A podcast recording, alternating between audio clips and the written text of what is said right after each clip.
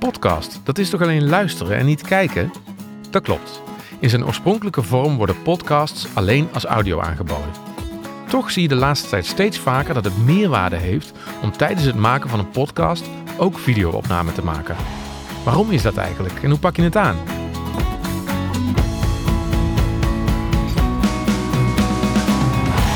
Welkom bij de podcast. Dankjewel Teun, mijn zoon. Inderdaad, welkom bij deze nieuwe aflevering van Tips voor je podcast over videopodcasting.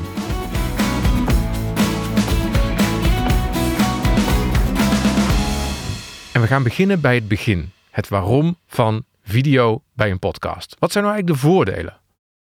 Het klinkt misschien gek, maar steeds meer mensen luisteren. Als je mij zou zien zitten, dan zou je zien dat ik aanhalingstekens gebaar. Maar steeds meer mensen luisteren naar podcasts via YouTube of via social media zoals LinkedIn. Ze gaan daar op zoek. YouTube is na Google de meest gebruikte zoekmachine. Of ze komen het tegen in hun timeline. Op deze videokanalen aanwezig zijn zorgt dus voor een groter luisterbereik van jouw podcast. Bovendien biedt een beeldopname de mogelijkheid om fragmenten uit de podcast te gebruiken voor andere kanalen.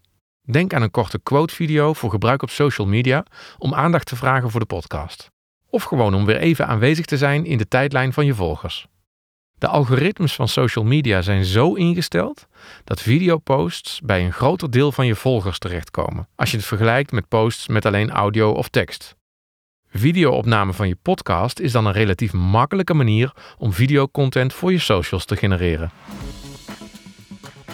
Hoe start ik met video bij mijn podcast? Net zoals met podcasten zelf kun je het filmen van je podcast heel klein houden of juist heel groots uitpakken. Laten we eens naar die twee uitersten kijken. 1. Totaalbeeld met je mobiel.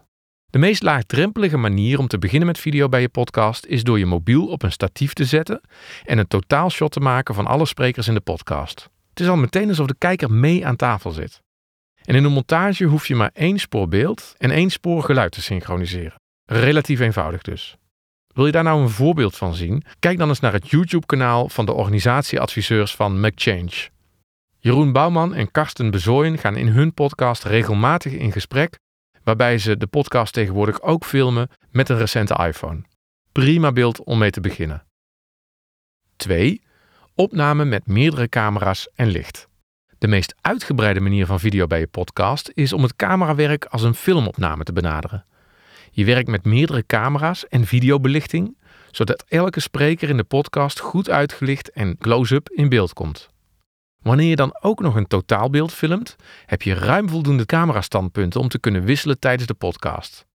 Door die afwisseling in beeld blijft de kijker geboeid en wordt hij meer in het verhaal getrokken. Deze opzet is in de montage natuurlijk wel heel bewerkelijk. Je moet meerdere sporen beeld synchroniseren en de juiste momenten voor de camerawissels bepalen. Ben je nou benieuwd naar een voorbeeld? Kijk dan eens even op YouTube naar het podcastkanaal van het Radboud UMC. Daar vind je een podcast die ik voor het ziekenhuis heb geproduceerd, waarin dokter Ingrid Dessaar en Ikram Akbar in gesprek gaan over zeldzame kankers.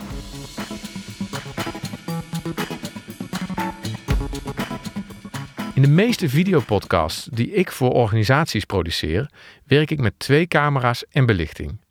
Eén camera die een totaalshot draait, zodat ik met de andere camera wisselende close-ups kan maken van de spreker die op elk moment aan het woord is.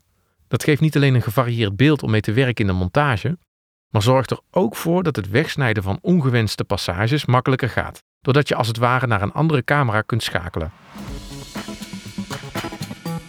Kies de aanpak passend bij je doel. Wil jij nou zelf aan de slag met een videopodcast, maar weet je niet zo goed waar je moet beginnen, welke aanpak je moet kiezen, heel klein of juist heel groot? Kijk dan vooral naar het doel en de doelgroep van jouw podcast. Gaat het om een commerciële podcast die voor marketingdoeleinden wordt ingezet?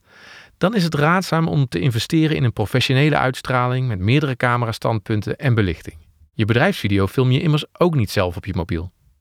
Heb je daarentegen een podcast op persoonlijke titel en verwacht je je meeste kijkers in je eigen social media tijdlijn, dan is een totaalshot met een moderne smartphone natuurlijk meer dan voldoende.